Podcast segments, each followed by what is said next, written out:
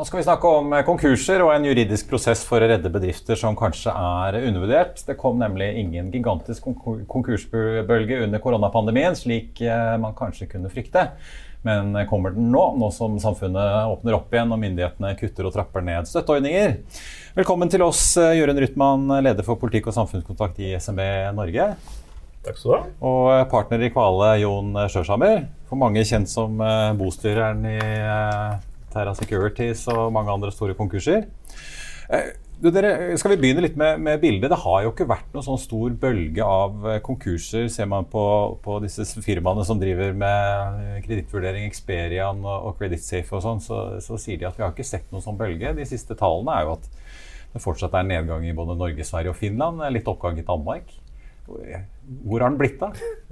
Alle har ventet på den, ja. Eh, selv vi også Jeg tror den kommer rett rundt neste sving. Men, men har vel store grunn er vel at eh, man, stortingspolitikerne har forskjøvet og forskjøvet eh, frist, fristen for betaling av skatt og avgift. Og som vi alle vet, det er jo Kemnen som er den største kreditoren og den som begjærer konkurs. Eh, det kan sikkert du bekrefte. Ja. og så når den største kreditoren er foreløpig fleksibel, så har det jo gått greit. Men nå kommer jo den faktisk nå i høst, da. Hvis ikke stortingspolitikerne eh, enda en gang utsetter den. Det får vi se når Stortinget samles igjen eh, ja, ja, for det, det, Dagbladet fikk jo ut tall fra skatteetaten her i forrige uke eh, som viser at norske bedrifter skylder ja, 4,59 milliarder kroner i, eh, for det meste moms, også litt arbeidsgiveravgift. Eh, og det er slutt på disse utsettelsene.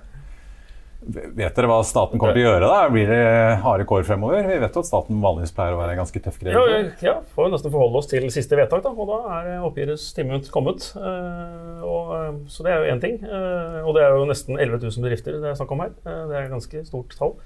Og da blir det en stor konkursbølge, hvis man skal være strenge der. det er det ene. Og det andre er jo når de som eventuelt kommer til tingretten og eventuelt har bedt om rekonstruksjon hvordan eh, forholder man seg til det? Eh, og ikke minst kunnskapsnivået for både saksbehandlerne i skatteetaten og, og, dommerne. Men også våre medlemmer og de som ikke er medlem. Eh, så er det, jeg er ganske overbevist om at det veldig få vet om denne rekonstruksjonsloven, som du sikkert kommer inn på ja, vi skal komme litt inn på den, men altså, Jeg regnet jo litt på det. Hvis du har 4,6 milliarder og det er 10 700 bedrifter, så er det jo en, ja, 430 000 kroner cirka i snitt da, som er kravet mot uh, disse bedriftene du kan få dette i avdrag helt frem til neste oktober. Hvor ille er det egentlig? Altså, klarer ikke bedriften å svelge unna noe sånt, da? Ja, Det er det som ingen vet ennå. Men uh, vi er, nok mindre optimistisk enn eh, mange andre av mine kollegaer og samfunnsaktører og, journalister. Basert på de bekymringene vi får våre, via våre kanaler og rådgivere. Så det, og for de aller minste, som er en stor andel av de nesten 11 000 bedriftene. Det er, tror jeg var Nesten halvparten er de under ti ansatte. Ja, for de har levd, altså de har levd litt eh, hånd til munn rett og slett da, når de har fått utsettelser og Ja, og så er det store grunner til det. Noen har falt gjennom disse kompensasjonsordningene, da, eh, som har vært en sånn en litt hjelp. Eh, noen har fått, men det er jo ja, varierer jo fra kreditor til kreditor om hvor tålmodig man er. Men det blir spennende å se nå i høst. Du, Jon, eh, sånn historisk, du har jo jobbet i hva skal man kalle det, konkursbransjen mm. lenge. Eh, når er det man i sånne nedturssykluser pleier å se at liksom, oppgjøret kommer og konkursene kommer? At det liksom bedrifter som kanskje har karret seg gjennom, ikke klarer det lenger? Er det det er et vanskelig spørsmål. Det er liksom 1000-kronersspørsmålet. Eh, jeg har jo vært med på dette både i slutten av 80-tallet og på 90-tallet ved årsskiftet 99-2000 og i 2008. Og hver gang så har jeg ropt 'ulv, ulv', nå kommer konkursene. Men de har jo ikke gjort det. De kommer ikke da. Eh, de kommer en liten stund etterpå. Og jeg har kanskje tenkt som så at eh, man klarer seg gjennom en kriseperiode. Og så kommer man også litt videre når ting begynner å bli normalisert. Men jeg tror det som ofte skjer i kriseperioden, det er at man ikke få med seg alt av innovasjon og forbedringer som man ofte gjør kontinuerlig. Ja, For man ikke har råd til det? Eller ja, man har ikke råd, og, har ikke ressurser, og man bruker alle kreftene på å overleve. Og når man da kommer litt uh, ned i veien uh, senere, så er det kanskje de som ikke har uh, hatt evnen til å fornye seg og investere, som er de som faller av lasset. Jeg ser du liksom, ofte da en sånn lang hale av konkurser egentlig etter en krise da, på flere år? Den kommer gjerne en stund etterpå. Vi så jo det særlig tydelig på i forbindelse med det som skjedde på 88 og frem til 91, at konkursene kom jo sånn i 93-94. Uh, og vi fikk jo ikke det helt store raset umiddelbart uh, i 2001. Det kom et par år etterpå. Og vi fikk jo heller ikke noe sånn umiddelbart konkursras i 2007 og 2008. Det var noen store konkurser, men bølgen kom en stund etterpå. Uh, og hva som er årsaken, det, det, det, er jeg ikke sikker på. Men kanskje det at man uh, utsetter dette med innovasjon og forbedringer, som ofte er en nødvendig konkurranseparameter. Hva ser du nå, da? Så, disse tallene på hvor mange konkursbegjæringer som skatteetaten eh, kommer med, ble jo halvert i fjor ned til eh, litt over 1200 begjæringer. Eh, hvordan ser bildet ut nå? Har staten begynt å, å begjære bedrifter konkurs igjen som ikke kan gjøre opp for seg? Nei, de har vel for så vidt ikke det. Det som har skjedd, er jo at staten egentlig har stanset pågangen. Og de utgjør jo halvparten, altså i, i, mengde så er det halvparten av sakene. Og når de blir borte, så merkes jo det. Og så kan du si at uh, banker de har jo etter hvert uh, innsett at det er ikke noe vits å gå på i den fasen vi er i nå. Det er jo en annen stor kreditor. Og en rekke andre kreditorer tenker også så at det er bare tull å løpe etter bedrifter som er rammet av den krisen vi er inne i nå. Så vi får vente og se. Så det jeg kanskje tror litt, det er at noen flere kommer på banen og prøver å drive inn gjelden sin, nå som vi kommer i en mer normalisert fase. Men akkurat hvordan det vil forløpe, det tør ikke jeg mene noe om i dag. Dere, Vi må snakke om denne midlertidige loven eh, som jo litt populært er liksom kalt den norske chapter 11 etter den amerikanske ordningen. Det ble jo noe som ble hasteinnført i fjor under pandemien. Eh, nå sier den avtroppende regjeringen at de vil ha en permanent ordning. Hva går den egentlig ut på? Ja, skal jeg svare? Ja, det er det som er det. Men, vi har jo levert ja, synspunkt på dette her, vi også. Ja, ja. Nei, altså Den går jo ut på at du kan få redusert gjeldsbyrden uh, gjennom en uh, offentlig og domstolskontrollert prosess. Uh, og Det innebærer at du kan få redusert gjelden med i praksis alt fra 99% til Altså fra 1% dividende til 99% dividende. Der er det opp til uh, rekonstruktøren og sammen med et rekonstruksjonsutvalg å bestemme hva som er hensiktsmessig. Ja, For det er et alternativ til konkurs for bedrifter som man ser har en slags livets rett? da? Det er et alternativ til konkurs, og det, kan, det er jo egentlig det vi i gamle dager i kalte gjeldsforhandlinger, som nå kalles rekonstruksjon. Men det som er fordelen nå, det er at man har innført noen nye hva skal vi si, verktøy eh, i forhold til det man hadde tidligere. Det ene det er at du kan eh, få dividende under 25% som var minimumsdividenden tidligere. Og det ser vi jo på de 26 sakene som har vært så langt, at eh, mange av de så er dividenden under 25 Det ligger fra 10 til 20-25. Ja, det sånn som Norwegian-kreditorene som ja. fikk en 5% eller ja. hva det var. Ja. Men dette her er litt sånn kreditorpsykologi, for du kan si at hvis du først kan fremlegge en plan som viser at denne bedriften etter en rekonstruksjon er levedyktig og vil fortsette da å handle varer og tjenester, så er mange kreditorer ikke så opptatt av om de får 15 eller 17 eller 21% De er opptatt av at de er med på et løft som gjør at denne bedriften kommer i gang igjen. Så, så det tror jeg nok har vært et veldig viktig virkemiddel, det at man har endret den minimumsprosenten. Vi, har jo, uh, altså vi nevnte jo Norwegian er jo et veldig sånn kjent eksempel på noen som har brukt mm. ordningen. Vi har uh, kleskjeden Polar Nopyr. Uh, du var jo involvert i Axis Geo Solutions, altså seismikkselskapet, som var ja. noe sånt i våres. Men altså, sammenlignet med Sverige, hvor de har en sånn ordning, så er det jo ingenting. Altså, de hadde jo rundt 300 sånne prosesser i, i fjor. Vi, så langt har det vel dere telt opp 26 i Norge? Vi har telt opp 26, og vi har talt opp 300 i Sverige. Det som er interessant med Sverige, da, det er jo at av de 300 så er det ca. halvparten som uh, møter nye problemer enn et års tid etterpå. Ja. Så der er det, det er litt som vi snakket om Siderel her, som var gjennom én chapter ja. 11, og så et par år senere så er det gjennom en til. Nemlig. Så, men jeg tror nok mye av det som har vært situasjonen i Norge, det er at vi, vi kvier oss for å gå til et sånt skritt. Det viser historien med de gamle gjeldsforhandlingene.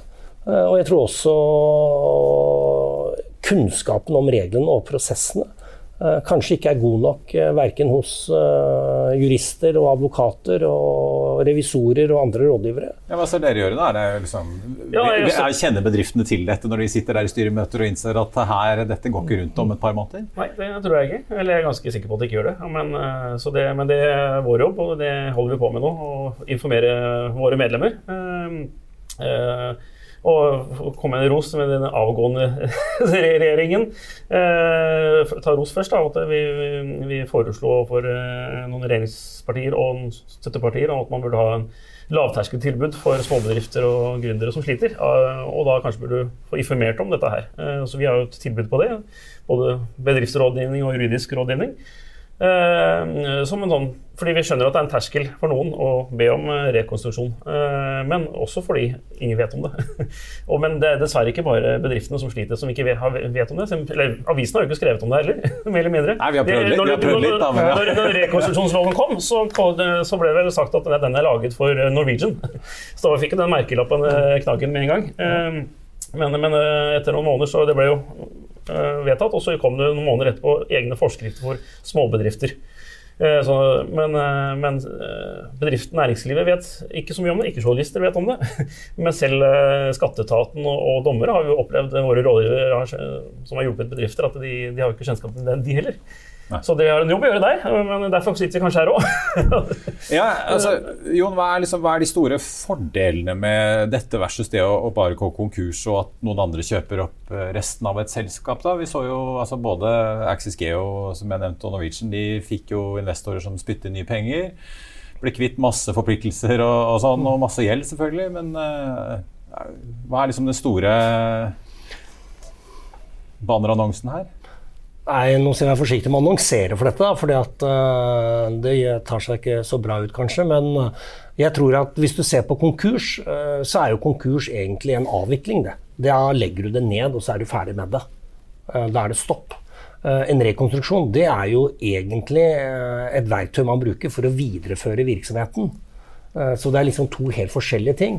Og når du viderefører virksomheten, så vil jo den fortsatt opprettholde arbeidsplasser og verdiskapning. Og de som er kreditorer og leverandører, vil fortsatt kunne være det og tjene penger fremover. Hva er det mest krevende i en sånn uh, prosess? da? Altså, Man skal jo da både drive bedriften videre samtidig som man på kammerset skal sitte med advokater og bostyrere og dommere og, og finne investorer som er villige til å sette inn nye penger?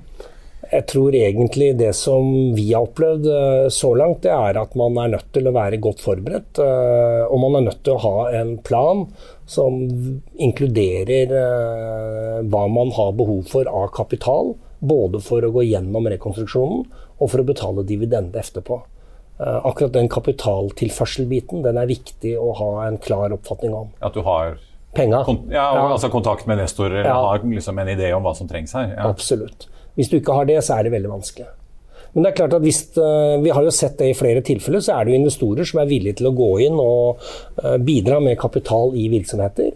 Uh, og ofte da under forutsetning av at man går gjennom en rekonstruksjon for å redusere gjelden. Hva ser du av erfaring? Sånn, altså, I Axis Geo så var jo Arne Fredli og Fredrik mm. Sneve kom inn med friske penger. Hva, hva slags type krav liksom, stiller den type investorer da, for at de skal faktisk bidra i en sånn løsning? Altså det vi har sett, det er at man eh, må gå gjennom selskapets balanse og på en måte sette den opp, slik at man får en startposisjon etter rekonstruksjon som er bærekraftig, for å bruke slikt uttrykk. At man har en riktig balanse mellom gjeld og egenkapital og likviditetstilgang. Eh, det er vel det de setter spørsmål om, og det er ofte den diskusjonen som vi bruker mest tid på en rekonstruksjon. Eh, og det er kanskje den diskusjonen som mange av de sentrale stakeholderne ikke ser. Eh, når de snakker om at dette tar lang tid og er krevende, så er det jo nettopp akkurat eh, den diskusjonen med økonomer for å finne det rette balansepunktet som er vanskelig. Gjøre en uh, kort til slutt. Nå er jo Justisdepartementet i gang med å, å, ha et lovarbeid her for å gjøre dette permanent. Men vet vi egentlig hva den nye regjeringen, eller en ny regjering har tenkt å gjøre med dette? Har dere fått noen signaler fra Arbeiderpartiet, og Senterpartiet og SV? Ja, nei, nei, jeg har ikke det. det er vel det de sier. Og vi gjør vårt for å påvirke at det, vi har fått positivt at den loven blir videreført.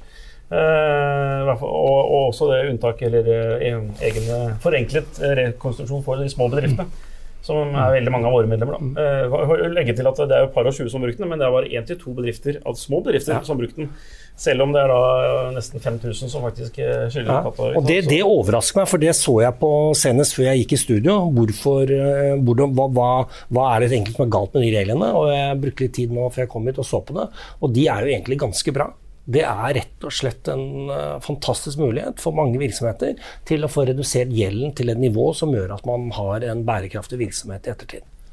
Så, og når det gjelder loven ellers, så må jeg jo si det at uh, det er veldig prisverdig det som er gjort, og det er lagt ned masse arbeid i det de nå kaller en midlertidig lov. Og det trengs, etter min erfaring, ikke å gjøres vanskelig nå enn å bare stryke midlertidig. Ikke verre enn det. Nei, den loven fungerer så bra. Det handler mer om at folk lærer seg hvordan mekanismene er, og får teknikkene på plass. Så trenger man ikke å finne opp så veldig mye nytt for å få det til å fungere noe bedre. Det eneste de kan endre, det er jo da for de, for forskriften på små bedrifter, da, så er jo det, ligger det at det, bedriften som, er da, som sliter, må forskuddsbetale betale for en rådgiver.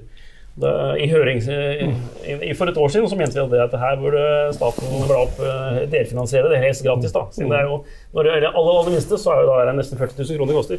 Så er kanskje det et problem i seg selv, da. men, eh, men, det får bli en tema til høsten, da, når vi Stortinget setter. Det, ja, derfor tar jeg høringssvarene til departementet. Noen småendringer, så er jeg helt enig med deg. Jeg får bare ønske lykke til med folkeopplysningen. Ja. Eh, og så får jeg, jeg håpe at du ikke får for mye klienter fremover, sånn for norsk økonomis eh, del, Jon. Eh, Jon Sørshammer i takk skal du ha. Og Jørund Rytman i SMB Norge.